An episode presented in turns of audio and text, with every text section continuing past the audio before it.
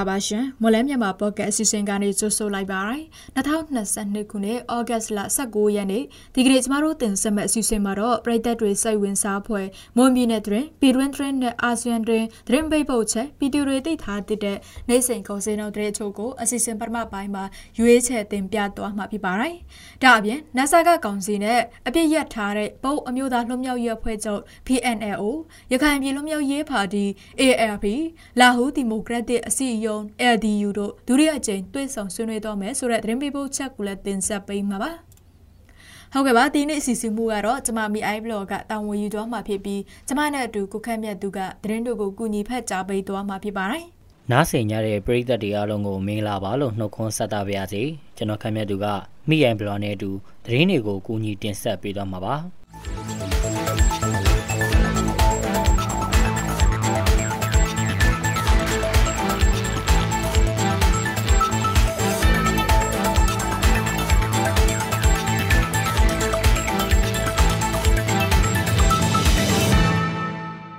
ပြူဆက်မြို့နယ်ရှိတံပြူဆက်ရေကားလက်မှတ်ကြီးတုံဖီလမ်းဝမှာမနေ့ကညနေ၄နာရီကစိုင်ကယ်နဲ့ကားရင်တိုက်မှုဖြစ်ပွားပြီးမျိုးသားတူတေဆုံးခဲ့တယ်လို့လူမှုကယ်ဆယ်ရေးထံကသိရပါတယ်။အဆိုပါရင်တိုက်မှုမှာကားမောင်းဖြစ်သူမှထွက်ပြေးသွားခဲ့ပြီးစိုင်ကယ်စီးနှင်းသူအမျိုးသားမှပွဲချင်းပြီးတေဆုံးခဲ့တယ်လို့သိရပါတယ်။ဥကောင်းတန်ရတနေရပဲထိခိုက်သွားတယ်။ကျန်တဲ့နေရတော့တန်ရမထိခိုက်ဘူး။ကျွန်တော်တို့သွားတဲ့အချိန်အသက်မရှိတော့ဘူးလို့လူမှုကယ်ဆယ်ရေးအဖွဲ့ဝင်တူကပြောပါတယ်။အဆိုပါမျိုးသားဟာအသက်50နှစ်ရှိပြီးအေယာဝတီတိုင်းစာတီဖြစ်ကစံပြကျေးရွာမှာခြံလောက်တမအဖြစ်လာရောက်လောက်ကင်နေသူဖြစ်တယ်လို့သိရပါတယ်။တေဆုံးသူအမျိုးသားရဲ့အယောက်လုံးကိုရွှေဟင်းသာလူမှုကယ်ဆယ်ရေးတန်းအဖွဲ့ဝင်များကလမိုင်းစေးရုံရင်ခွဲရုံတို့ပို့ဆောင်ပေးခဲ့တယ်လို့သိရပါတယ်။တံပြူဆက်ရေကားလမ်းမကြီးမှာလမ်းကွေ့များရှိနေတဲ့အတွက်မကြာခဏဆိုသလိုရင်တိုက်မှုဖြစ်ပွားပြီးထိခိုက်ဒဏ်ရာရသူနဲ့ဒေဆုံးမှုများဖြစ်ပွားလေရှိတယ်လို့သိရပါတယ် မော်လမြိုင်မြို့ဖတ်တန်းရက်ကွက်အောင်တုခရက်တပေါင်းစီဒီလန်ရှေ့အိမ်စုမှာမနေ့ကမနက်စောပိုင်းက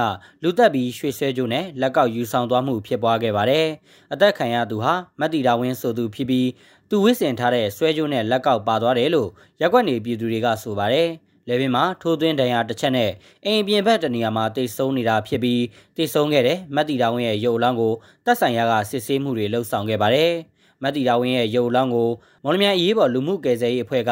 မော်လမြိုင်ပြည်သူ့စေယုံကြီးကိုပို့ဆောင်ပေးခဲ့ပါတယ်။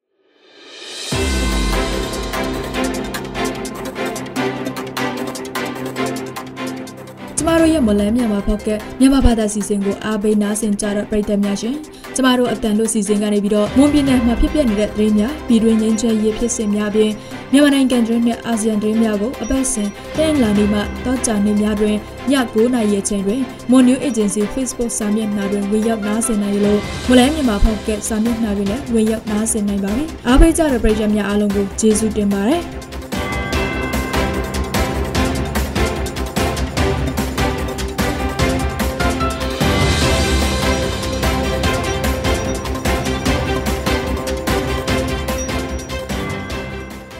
တံမြူစက်မြုပ်နဲ့ရတဲ့တုံကျေးရွာမှာပြီးခဲ့တဲ့၃ရက်ကငါးဖမ်းထွက်စဉ်ရေတန်းမျောနေတဲ့ရေတပ်ဘူးတဘူးကိုတောက်မိရာမှာအမျိုးသား2ဦးတေဆုံးခဲ့တယ်လို့သိရပါတယ်။အဲ့ဒီတေဆုံးသူအမျိုးသား2ဦးမှာညီအကိုဖြစ်ပြီးဩဂတ်လဒုတိယပတ်ကပင်လယ်ထမ်းမျောနေတဲ့ရေတပ်ဘူးကိုအရက်တင်မှတ်ကတောက်မိရာမှာနှကန်းမဲပြာလာကမူးဝေအော့အန်ဝေဒနာခံစားရပြီးတံမြူစက်ပြည်သူစေးရုံကြီးကိုပို့ဆောင်ပေးခဲ့တယ်လို့သိရပါတယ်။ဆရာဝန်စစ်ဆေးချက်အရအဲ့ဒီအမျိုးသား2ဦးမှာအဲ့ဒီဒီရေကိုတောက်ပြီးအချိန်ကစားပြီးလမ်းကြောင်းမှာရှိတဲ့အစာအိမ်တွေပြက်စီးလောင်ကျွမ်းကအကိုဖြစ်သူမှာတံပြူဆက်မြုပ်နယ်ပြည်သူစေးရုံကြီးမှာတည်ဆုံးခဲ့ပြီးညီဖြစ်သူမှာလည်းရတိတ်တောင်ကျေးရွာနေအိမ်မှာတည်ဆုံးခဲ့တယ်လို့သိရပါတယ်။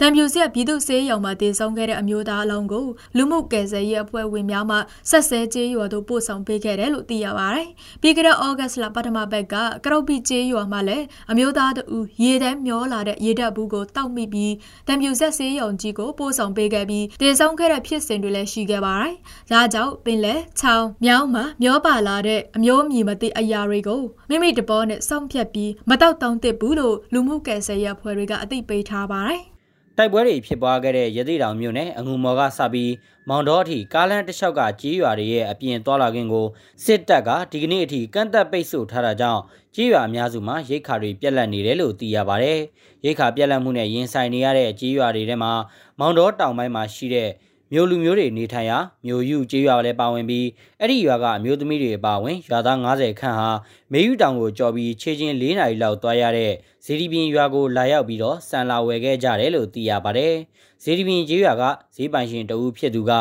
တဦးကိုစီတလီတာတဝက်စီမမီခောက်ဆွဲထုတ်တွေနဲ့မုံတွေကိုအိမ်အောင်စုတိုင်းလှူဒန်းကူညီလိုက်တယ်လို့သိရပါတယ်။အဲ့ဒီကျေးရွာမှာအင်ဂျီစုစုပေါင်း104အိမ်နဲ့ လူဦးရေစုစုပေါင်း662ယောက်ရှိတယ်လို့သိရပါတယ်။မြဝတီကော့ဂရိတ်အာရှလမ်းမတဲ့အပါအဝင်မြဝတီကုံသွဲရေးဆောင်ကိုမနေ့ကညနေပိုင်းမှာပိတ်ထားခဲ့ပြီးဒီကနေ့မနက်ပိုင်းမှာတော့ပုံမှန်အတိုင်းပြန်လည်ဖွင့်လှစ်ထားတယ်လို့သိရပါတယ်။ဒါပေမဲ့စောင့်အဝေးမှာစစ်ဆေးတင်းကျပ်ထားလို့ကောင်ကားတွေတန်းစီစောက်ဆိုင်နေကြရတယ်လို့သိရပါတယ်။မရိကမြဝတီတင်ကန်းကြီးနောင်ကွင်းကလေးကွန်တီတန်ကွေစားတဲ့နေရာတွေနဲ့ကော့ဂရိတ်ရွာတစ်ကုန်း တောင်သုံးလုံးစတဲ့နေရာတွေမှာစစ်တပ်နဲ့ KNA ပူးပေါင်းတပ်တွေတိုက်ပွဲဖြစ်ပွားခဲ့တာကြောင့်တင်ကန်းကျွန်းညီနောင်ရဲစကန်ကရဲတပ်ဖွဲ့မိသားစုတွေမြဝတီကောင်တွဲရေးမှာတာဝန်ထမ်းဆောင်နေတဲ့သူတွေကိုမြဝတီမြို့ဘက်ရွှေ့ပြောင်းကြဖို့နတ်ဆက်ကဘက်ကသတိပေးခဲ့ပါတယ်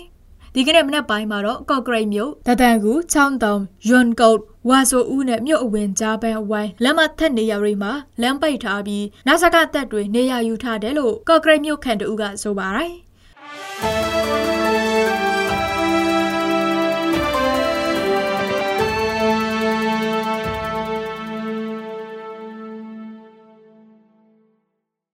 ဟုတ်ကဲ့ပါဆက်လက်ပြီးတော့ပြည်သူတွေသိထားတဲ့နေ့စဉ်ကုန်စင်အောင်တွေအချို့ကိုမလမြိုင်ကုန်စီတိုင်းကအချက်လက်တွေကိုအခြေခံပြီးကျမကတင်ဆက်ပေးပါအောင်မယ်ဒီကနေ့ထိုင်းနဲ့မြန်မာငွေလဲနှုန်းကတော့ထိုင်းဘတ်89.53ညဝယ်ဈေးရှိပြီးတော့ရောင်းဈေးက83.53ညရှိနေပါတယ်ဒေါ်လာဈေးကတော့အမေရိကန်ဒေါ်လာကိုဝယ်ဈေးမြန်မာငွေ2845ရှိပြီးရောင်းဈေးကတော့2885ရှိပါတယ်ရွှေဈေးနှုန်းကတော့မီလ16ပဲရေတကြက်သားကိုရန်ကုန်ရွှေအတင်ဒီကနေ့ဈေးကွက်မှာ20သိန်း9000 3000ရှိနေပြီးအပြင်ပုတ်ဆေးမှာ25သိန်းအထက်မှာရှိနေပါတယ်။73စီတွေကတော့30တလီတာကို2830ကျပ်အောက်သိန်း92တလီတာကို2400ကျပ်နဲ့95တလီတာကို2495ကျပ်အထိရှိနေတာပါ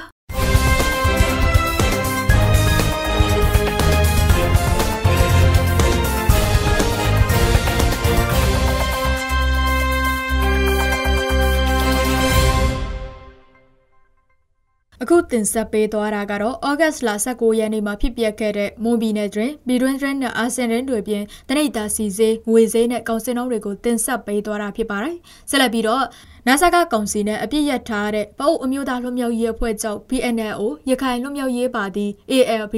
လာဟူဒီမိုကရက်တစ်အစည်းအရုံး ADU တို့သူရဲ့အကြိမ်တွေ့ဆုံဆွေးနွေးသွားမယ်ဆိုတဲ့သတင်းပေးပို့ချက်ကိုစရောင်းနွန်ကတင်ဆက်ပေးပါမယ်ရှင်။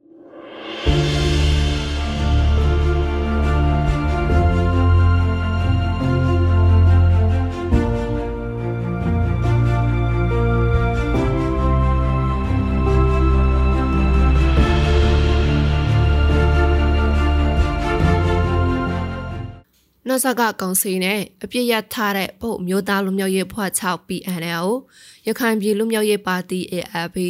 လာဟူဒီမိုကရက်တစ်စီယောင် ADU တို့ဒုတိယအကြိမ်ငင်းချရေးလုပ်ငန်းစဉ်ကိုတွေ့ဆောင်ဆွေးနွေးသွားမှာဖြစ်တယ်လို့သိရပါဗျ။ နာဆာကကုန်စီနဲ့တဖွဲ့ချင်းမဟုတ်ပဲအစုဖွဲ့နဲ့တွေ့ဆောင်နိုင်တဲ့အခင်းချင်းကိုတောင်းဆိုခဲ့ကြောင်းလက်ရှိတောင်းဖွဲ့နဲ့ငင်းချမ်းရေးဆွေးနွေးမှုဒုတိယကြံပြန်စတင်ပြီဖြစ်တယ်လို့ငင်းချမ်းရေးလုပ်ငန်းစဉ်ဦးဆောင်ဖွဲ့ PPSD မှပြောခွင့်ရပောက်ကိုပုံမှုကြီးစောကျော်ညိုကပြောပါတယ်ကျွန်တော်တို့သွားပြီးသားအဖွဲ့ဒီ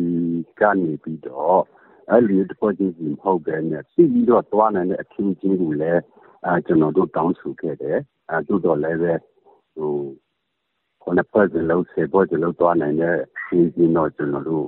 ဟိုမလုံနိုင်သေးဘူးအာလောလောဆယ်ကတော့ဒီသုံးဖွဲ့ပေါ့လေအဲပြန်လည်ပြီးတော့ဒီ20 20 23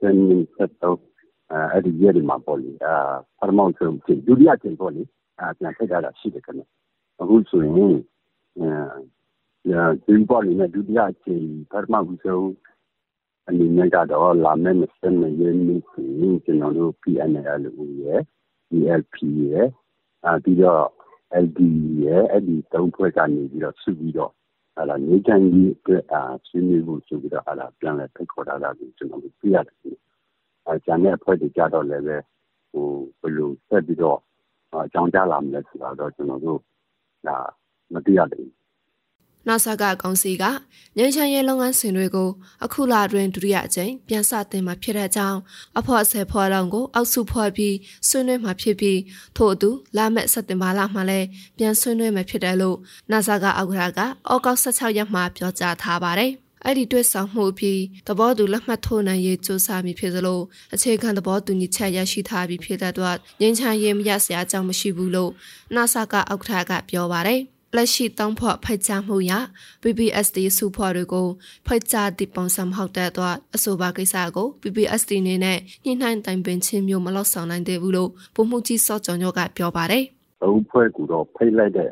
အကြောင်းကြားစာရကြည့်လိုက်မယ်ဆိုရင်ဒါအဲတော်တော်လေးဟိုအကြောင်းအရာတွေခြေပြန့်တယ်လို့ပြောလို့ရမှာပါခင်ဗျ။ဒီခဲ့တဲ့ကျွန်တော်တို့ဒီဒီတော်စုတဘောတိစာချုပ်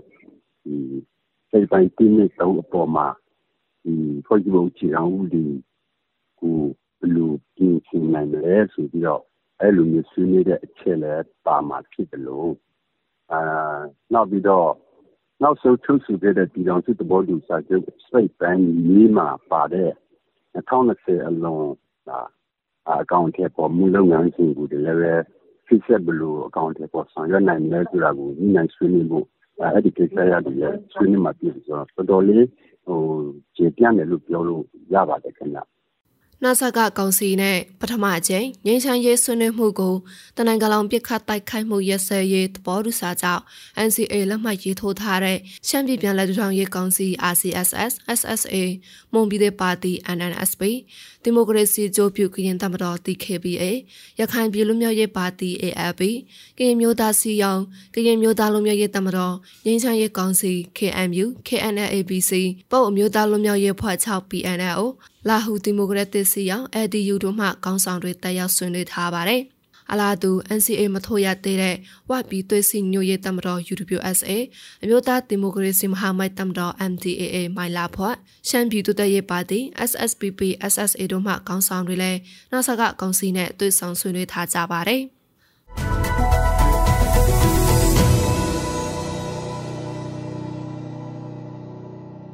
ကျွန်တော်တို့ရဲ့မွန်လန်းမြန်မာပေါ့ကတ်စီစဉ်ဒီမှာရင်ပြီးဆုံးပါပြီ။နားဆင်ကြတဲ့ပရိသတ်တွေအားလုံးကိုနောက်နေ့အစီအစဉ်တွေမှာဆက်လက်အားပေးကြပါအောင်လို့ဖိတ်ခေါ်ရင်းအစီအစဉ်ကိုအဆုံးသတ်ပါရစေ။အားလုံးကိုကျေးဇူးတင်ပါတယ်ခင်ဗျာ။